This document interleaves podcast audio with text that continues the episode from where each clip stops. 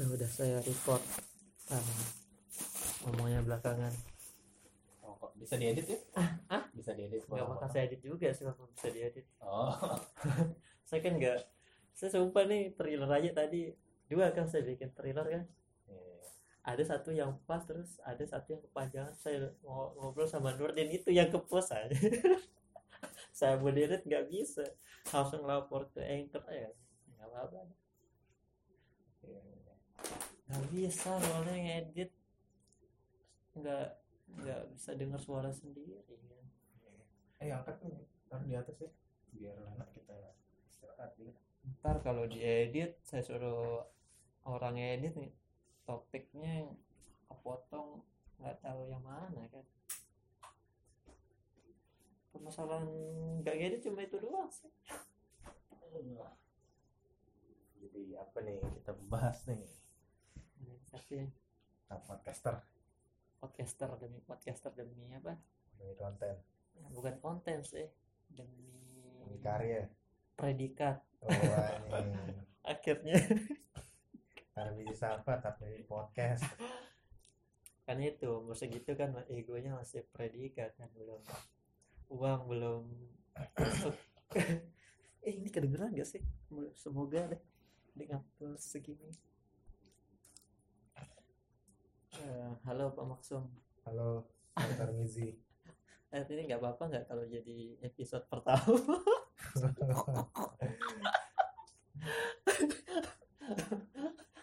soalnya di eh ribut ya nggak apa jadi soalnya kayaknya saya lebih pede dan lebih siap Oh iya. dari Aduh, aduh. topik yang kemarin Saya mah menerima ajakan podcaster aja lah tuh. lagi-lagi ketemu maksum tiap minggu. Ngobrol-ngobrol. Sampai sadar gak sih kita sebelum masuk topik kayaknya? Kita ketemu tiap minggu sampai kalau nggak sadar tuh banyak. Pertama si ide. Apa? udah deh dia perasaan obrolin itu. Saya bilang kayaknya pernah udah saya ceritain waktu itu. saking saking Terlalu seringnya ketemu ya. intensitas ketemu aja gitu ya saya juga mungkin kayak gitu cuma nggak sadar udah saya bahas ini padahal ini gini gini begitulah Iya, iya. tapi sekarang biar nggak belagu-belagu aja sih bahas yang deket-deket aja Oh, sekarang udah disiapin topiknya berarti. Apa yang mau Iya. dibahas? Lebih dan siap lah ya. lebih siawan Iya. Kemarin kan sok jago brengsek karena soalnya kemarin tuh landasannya eh, saya kan stand up itu terus enggak udah berapa tahun itu enggak nge-settle sih di jalan aja gitu Oh, iya, gitu. terus nah bisa nih kayaknya podcast gini-gitu juga eh, ternyata Tidak bisa. beda medium dan bla bla bla bla jadi ya udah lah, emang harus kayak gitu Iya, iya. dan beberapa perjalanan hosting hosting jadi kebentuk oh udah pede juga sih. Iya. Jadi malam ini kita bahas stand up aja lah yang Mantap, mantap. sama-sama Mungkin lebih dekat sama mikrofon biar Ada. lebih jelas suaranya. Iya, bisa. Masa saya nggak mau investasi buat mau beli mic tapi podcast itu ya kita bahas stand up soalnya kenapa bahas stand up juga kemarin kayak nonton open mic. Kita akan bahas stand up. Se stand up. Lombok lah. Wih. saya ada stand up di lombok lotim dan kita kita lah. Ya, skena, skena, skena Perkomedian. perkomedian. di Lombok. Jadi minggu kemarin lah tepatnya. Udah saya cerita juga sih. Hmm. ini pasti di rekaman di nonton open mic lihat orang-orang itu ya Besaran suaramu. lihat Ya. orang-orang itu senior senior kita gitu ya anjirnya dia masih kekeh gitu ngadain ini gitu. Saya terlepas kita pernah bermasalah tapi anjir orang-orangnya masih meluangkan waktu demi ingin tetap hidup gitu. Oh merasa pernah bermasalah kalau saya sih enggak sih. Soalnya kita nggak pernah ya jadi ya Nah, udah jujur jujuran aja. Jawaban saya diplomatis aja iya terus terus. lah jadi kayak ingat ke belakang anjir nih. Berapa sih ini gitu 2000 mau 2020 dan stand up nya udah hampir tujuh tahun ya. Ini 2013 Iya. nomornya di sini 2013 pertama kali Iya makanya itulah kita ada gitu. Maksudnya mau kayak saya kan bukan orang yang masuk awal-awal. Hmm. saya masuknya di masa kejayaan malah. Masa kejayaan dan mau turun gitu. Kejayaan kan umat tiga ya. Umat tiga itu jaya-jayanya setil. Dan sun itu udah ah kayak gitu lah produktif produktifnya lah ya. saya lebih penasaran ke oh iya ya ada ternyata tahun di 2013 itu yang mereka mereka gitu dan kebetulan anda juga terlibat di orang-orang awalnya sebagai founder Hmm, iya, iya. saya penasaran lebih penasaran gimana sih waktu itu ya. Oh, saya kan nggak terlibat komunitas waktu itu kayak ceritain awal-awalnya deh. Ada dari versi Maksum ada apa di malam itu sehingga kok bisa terbentuknya stand up lombok kayak gitu. Oh, jadi apa namanya kalau ditanya terbentuk sebenarnya saya bukan founder gitu. Founder lah cuma yang bukan yang ya menginisiasi. kalau kayak misalnya oh, saya- kalimat ayo kita buat komunitas stand up comedy gitu. Bukan saya saya adalah orang-orang yang gabung setelah orang-orang itu Iya. mencetuskan stand up comedy dulu. Ang- anggapannya mereka mencetuskan Senin Selasa saya datang lah kumpul gitu. Yang ya siapa sih yang menginisiasi kalau? Jadi ya bisa dibilang ada sekitar berapa ya lima orang lah bisa dibilang. Ada si Wahid Zia Imam ada Imam Hairi ada Ferik lah. Mereka orang-orang yang memang kumpul lah pertama kali gitu untuk boy ayo kita buat komunitas stand up comedy di Lombok ada gitu. ada yang udah jadi kokak gak waktu itu ada yang ada sih sebenarnya yang kayak kuliah di luar kota dan belajar di komunitas di kota tersebut terus pulang kebetulan mereka anak Lombok mereka pulang ke sini dan kumpul mereka pengen buat komunitas di Lombok gitu komunitas stand up comedy di Lombok nah nah setelah mereka kumpul tuh mereka nge-share informasi lah di kalau nggak salah di Twitter apa gitu. Iya. di akun apa gitu di Twitter. Nah saya baca itu sama temen saya gitu. Hmm. nah saya, oh ada nih. Saya emang tertarik lah sama seni stand up comedy lebih dulu lah dibanding itu. Oh, cuman kan nggak ada tempat belajarnya nggak ada tempat kumpulnya nggak tahu lingkungannya juga gimana. Ketika ngebaca informasi itu saya datang lah waktu itu sana itu kumpul kumpul ngobrol-ngobrol. Kita buatlah bentuk eh, open mic pertama itu ingat saya tanggal 14 Desember eh 14 Agustus Agustus ya pokoknya. hari pramuka pokoknya samaan sama hari pramuka di tahun 2013 lah ya pokoknya. gitu lah Nah itu terus jalan lah kita open mic, open mic, pindah tempat, bla bla bla semua gitu. Nah terus bikin event pertama komedi akhir tahun, Hmm. itu komedi akhir tahun pertama, event eh ya eventnya pertama dari stand up komedi Lombok yang berbayar itu. Bukan yang itu ya? Yang mana? yang tour. Oh itu. Bukan itu setelahnya. Setelahnya. Ya itu komat komedi akhir tahun yang pertama kan saya Desember 2013 ini posternya masih ada di kamar saya gitu. Iya, itu tiketnya kalau nggak salah sepuluh ribu apa lima belas ribu. sepuluh ribu. Itu cetak tiket itu kalau nggak salah target targetnya cuma ya 100 orang lah. Ternyata pas hari H di waktu acara Hmm. itu nembus di angka 240 tiket lah. Hmm. itu i, i- acara pertamanya gitu. Acara pertamanya stand up comedy Lombok. Yang modalnya masih dari modal dari founder foundernya gitu waktu itu. Acara indie lah bisa dibilang. The real independent. Komunitas stand up comedy Lombok itu bergerak sangat indie gitu. Karena kami bikin acara nggak ada sponsor. Bikin acara komunitas baru bikin acara uang sendiri movement sendiri gitu. Eh ternyata diterima dengan cukup baik lah waktu itu gitu.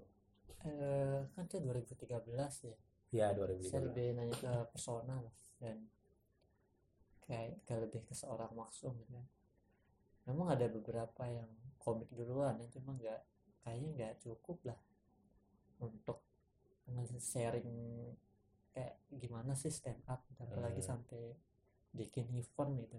Iya, iya. Kalau dari Maksum sendiri nih gitu. Dari belajar bikin materi dan event itu referensinya kayak kayak gimana sih? Dulu dari bawa komunitas nih sesuatu yang baru kan. Nggak ada senior senior yang datang gitu kan. Oh kayak gini stand up stand up. Kan kalau saya mah enak kan udah udah ada yang jago gitu. Oh diajarin oh kayak gini lo bikin Iya. materi.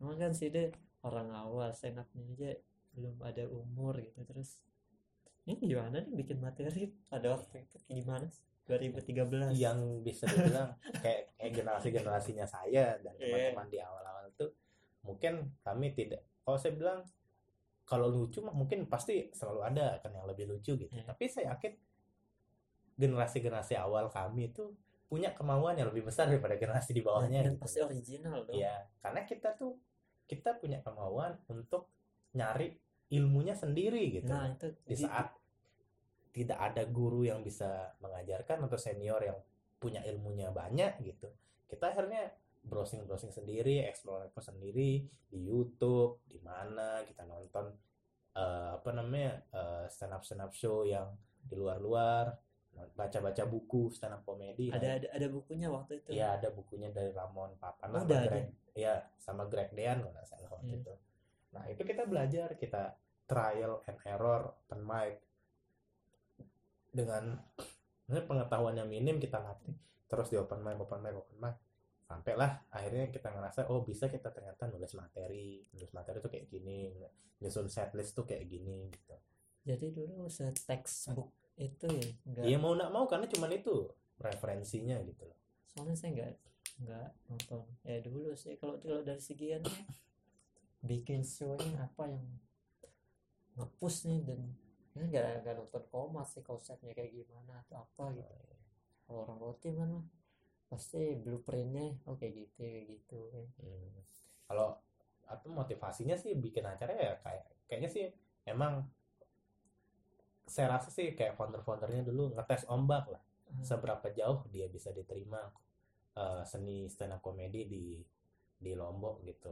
Sebenarnya sih beberapa tahun sebelumnya sudah pernah ada acara stand up comedy tapi itu dari Raditya Dika dan iya. diadain oleh salah satu sekolah di Mataram. Nah, cuman saat itu kan belum se-booming itulah stand up comedy gitu dan tinggi. Nah, saya saya nggak nggak inget lah tempatnya di mana. Cuman dulu waktu SMP saya pernah dengar Radit waktu itu. Itu cuman di zaman itu tahun 2013 eh hype-nya sudah ada meskipun nggak sebesar sebesar sekarang lah. Nah, cuman kita waktu itu udah jalan open mic sekitar tiga bulan. Kayaknya bisa nih kita jadi tiga bulan Iya kan mulainya Agustus, September, Oktober, November, Desember. Lima bulan lah sampai acaranya. Acara kom- komedi akhir tahunnya gitu. Jadi kayaknya itu udah cukup kita untuk punya eh, bekal bikin sebuah pertunjukan stand up komedi yang setiap orang manggung mungkin 7 sampai 10 menit gitu. Jadi ya udah dicoba aja kita nulis, kita punya punya bekalnya. Nah, akhirnya kita perlu medianya untuk eh, apa namanya? Untuk eh, mencoba materi kita gitu loh. Nah, pertunjukan komat itulah yang dijadikan ajangnya waktu itu sama para foundernya gitu. atau ada faktor suntikan dari luar nggak kayak lihat di Twitter Hmm, komunitas ini bikin show nih enggak sih, saya rasa sih enggak gitu. Bukan karena kayak ke-trigger lihat komunitas luar berkembang gitu. Tapi saya rasa kayak cuman pure karena pengen ada tempat yang sejauh mana dia bisa diterima gitu. Karena itu tiketnya berbayar juga loh, misalnya pertunjukannya berbayar gitu. waktu itu udah konsep-konsep itu nggak sih kan walaupun di 2013 itu di semua komunitas ya kayaknya kayak sangat konsep sekali dikuatin itu atau gimana Hmm, kayaknya sih kompas satu setahu saya soalnya kompas tiga itu sangat Iya, Aduh, itu ada perfect theatrical bla bla bla dan lain-lain Hmm. gitu.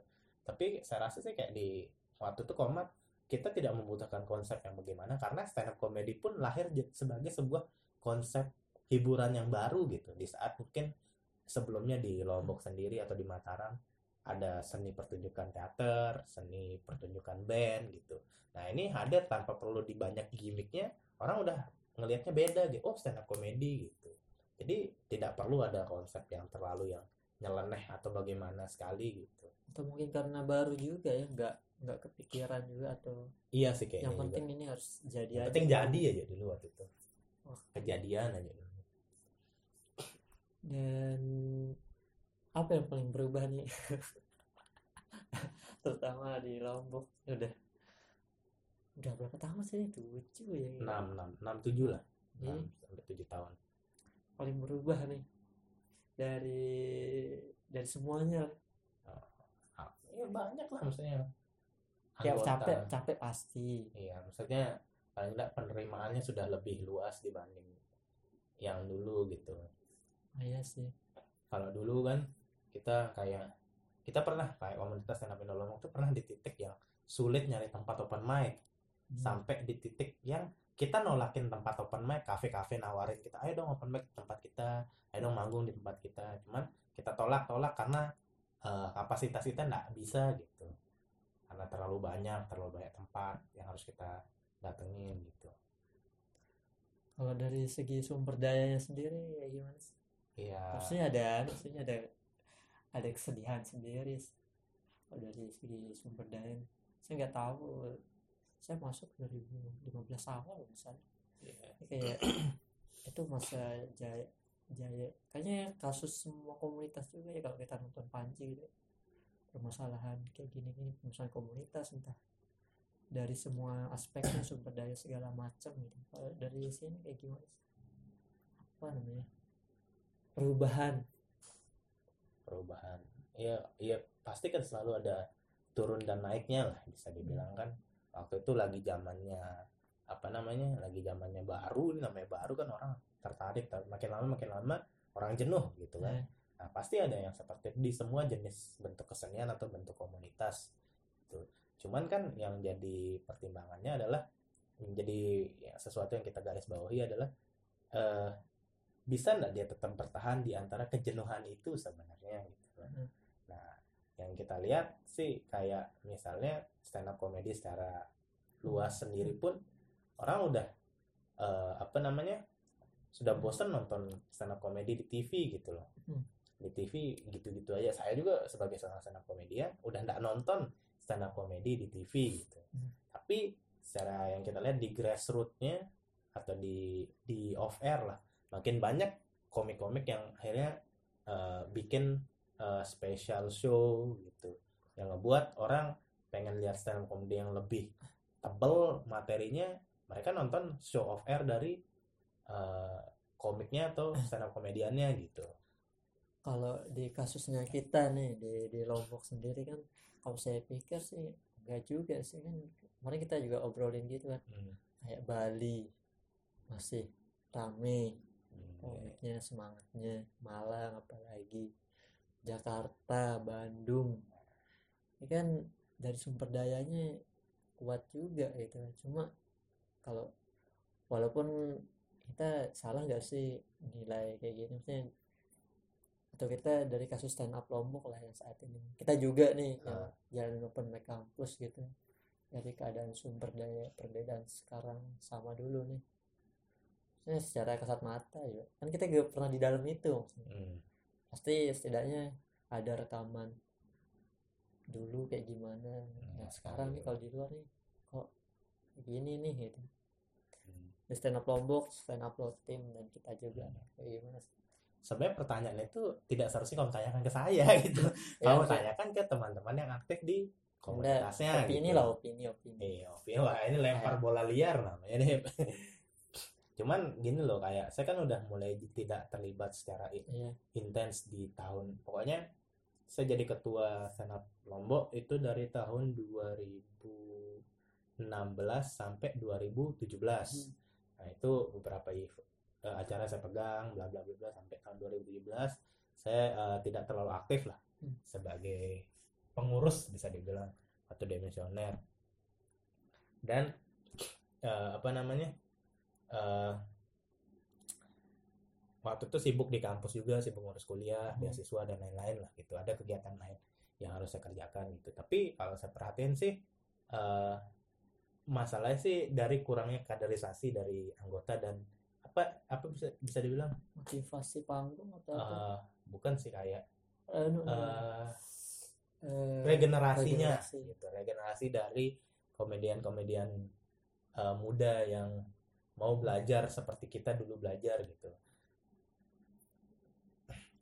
Mungkin terjadi kejenuhan juga dari anggotanya sendiri. Hmm. kemudian Gak terus tidak motivasi. ya tidak ada motivasi. Sekarang mau ngapain sih bu bikin nulis materi gitu? Kalau saya pribadi kan eh, tetap memaksa saya tetap nulis materi karena pertama saya suka ngelakuinnya terus yang kedua sering masih sering juga ngisi-ngisi eh, job-job eh, off air juga di luar eh, job dari komunitas dulu.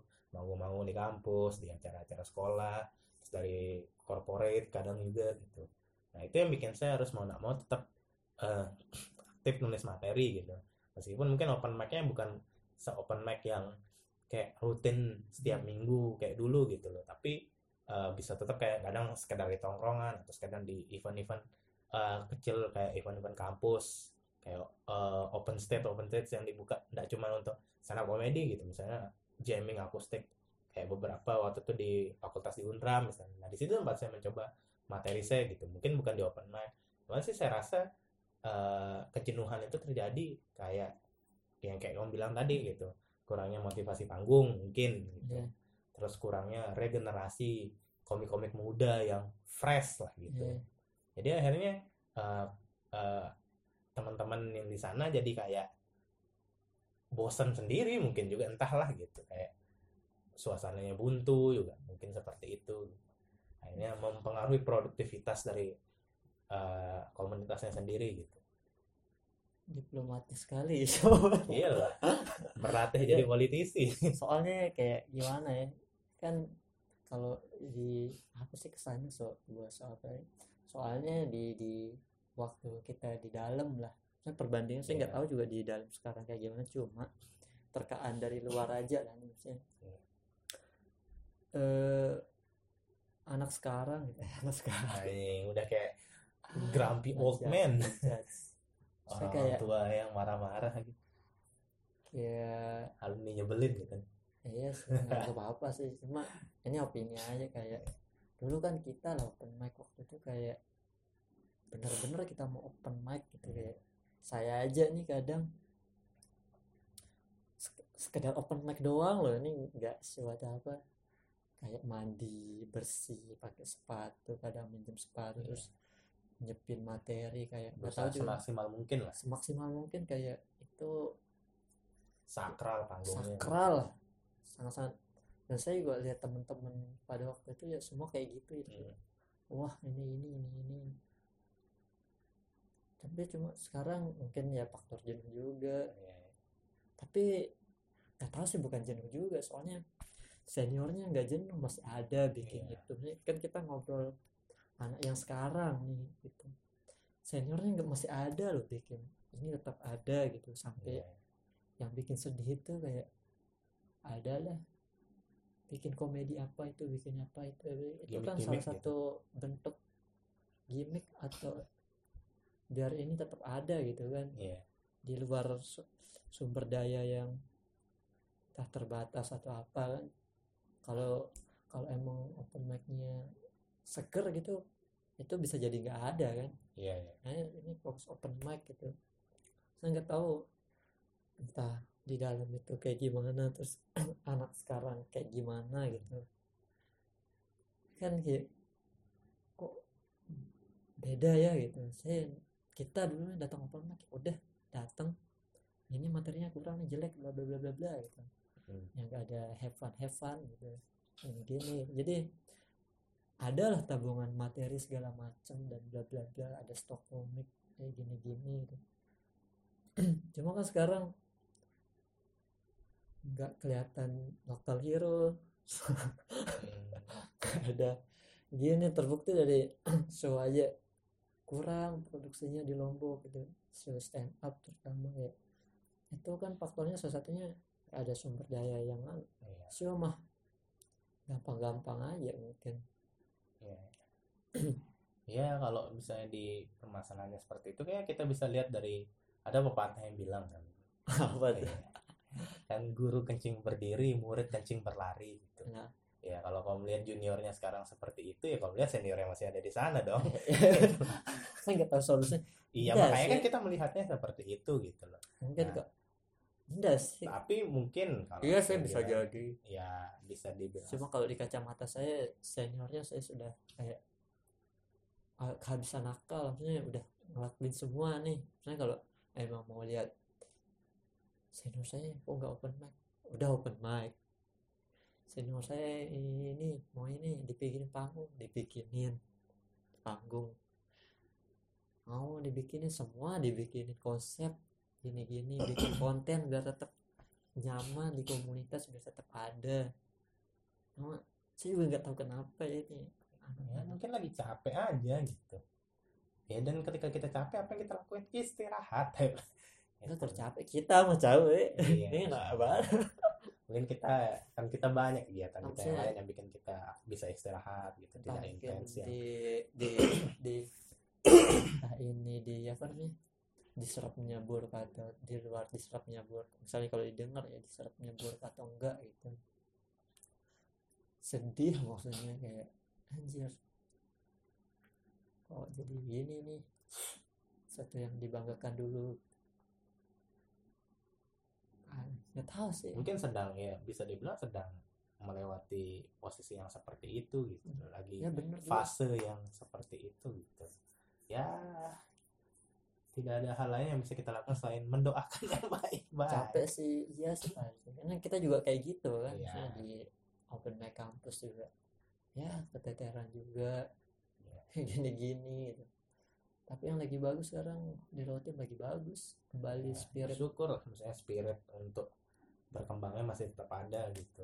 Senior seniornya lagi lagi dewasa dewasanya terus nah ini yang saya lihat kenapa kayak Rotim tuh baru dan kayak kita dulu gitu maksudnya. Lagi semangat semangatnya gitu. Bukan lagi semangat semangatnya cuma kayak ada tuh an beberapa anak tuh baru kayak udah saya mau datang stand up saya mau di mana? Saya mau ke rumahnya ada mau kombut gini gini dan Oh, ya, dia nggak- masih tinggi gitu.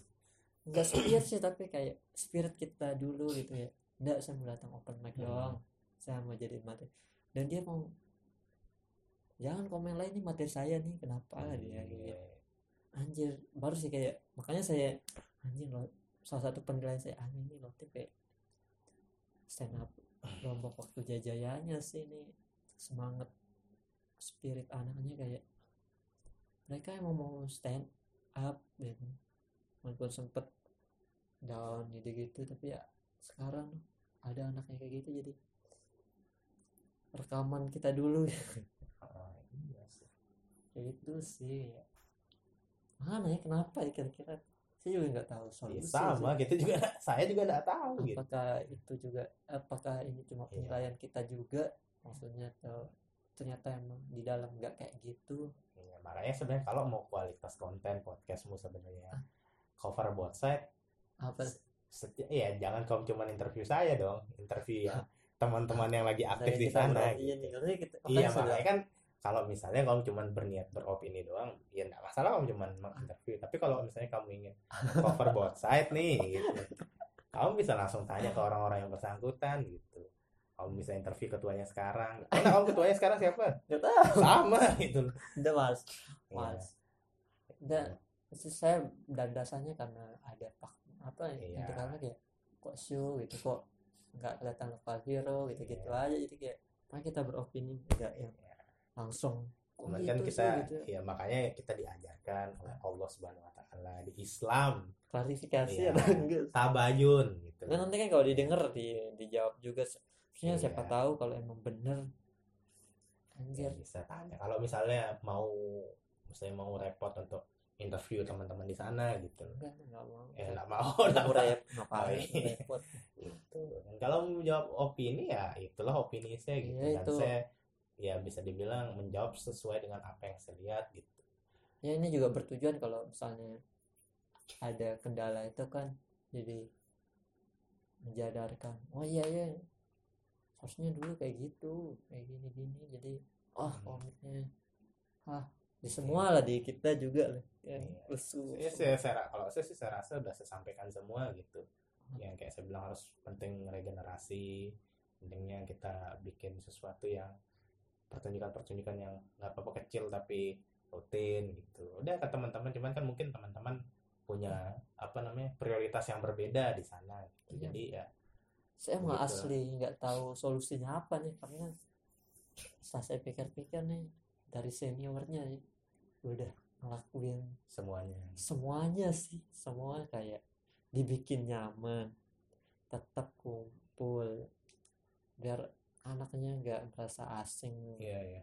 terus gimmick gimmick open mic terus mau misalnya dari stand up dari seniornya nih misalnya termotivasi apa se komika seniornya open mic udah Iya. show ada yang pasti bakal diiming-imingin wah tahu lah ya kenapa ya sekarang nih Lagi fasenya aja. Lagi mungkin Iya. lagi capek deh. ya semoga anu lagi lah biar Iya iya. ada tontonan ada yang dibanggakan ada yang bikin ketawa. Nah, ya itulah. Apa dong kita pakai tutup nih? Apa apa iya doa yang bagus-bagus lah. Iya sih, teman-teman di sana ya. Kita happy kalau ada yang bikin happy lah gitu. Harapan ke depan nih buat stand up nya secara umum. Iya. Tetap dengan harapan lah. Oh iya. Kalau nggak ada solusi mah gimana dong? Harapannya supaya tetap ada gitu iya sih iya spek buat mereka lah iya lah. yang luar capek. biasa lah tiap minggu dua minggu sekali ya sekarang dua minggu Tahu sih. ya pokoknya itulah Hmm. ya tetap bikin open mic tetap bikin sharing gitu mungkin saya dan kalau saya pribadi kan udah ada kesibukan yang lain yang tidak bisa Hmm. ditinggal di jadwal jadwal mereka sharing atau open mic gitu paling bisa nyuri nyuri waktu ikut satu kali atau dua kali atau di jadwal yang mungkin berbeda dari situ tapi sih harapannya mudahan tetap bisa hidup. Eh, seninya di sini entah itu bentuknya di komunitas yang mana lah menurut saya gitu. Entah itu bentuknya nanti akan seperti apa. Yang penting seninya sih kos bisa tetap hidup lah gitu ada. Tapi saya rasa juga akan. tidak akan tidak akan mati sih kalau udah di titik ini gitu. Dia mungkin akan mengecil tapi tidak akan mati gitu. Karena kan udah orang sudah sangat familiar sama stand up comedy itu cuman sekarang gimana cara mempertahankannya supaya apinya tetap nyala gitu meskipun redup tapi tidak akan tidak akan mati plek gitu. Secara movementnya lah bukan kalau seninya sih tidak akan mati di di sini akan tetap ada. Cuman secara movementnya kan yang sekarang yang kita bahas gitu. Saya harapannya gitu. Teman-teman yang lagi di kampus juga saya harapnya dari yang apa yang pernah kita buat sama teman-teman kampus yang mungkin sekarang udah lulus sudah di mana mungkin. Sibuk masing-masing segala udah sibuk masing-masing masih bisa tetap main mungkin ke open mic kampus juga. Teman-teman yang masih kuliah juga masih bisa ngehandle open mic kampus meskipun kita udah nggak di sana gitu. Ya, itu sih harapan saling harapannya mengisi gitu. lah ya. Ya itu sih ya pengennya sih kita kalau udah sukses nanti bantu ngasih duit bikin acara aja gitu kan belum mas saya belum sukses gitu gimana? Harapan saya sih ya tetap tetap ada iya. kembali semangat lah. Iya sih harapannya memang harus seperti itu. kembali semangat. Makin lucu segala macam lah. Iya. Itu udah. Bingung saya. Udah. Cuma sedih. Ya, bagus-bagus lah doa-doanya. Ntar gibah-gibahnya simpen di tongkrongan. See you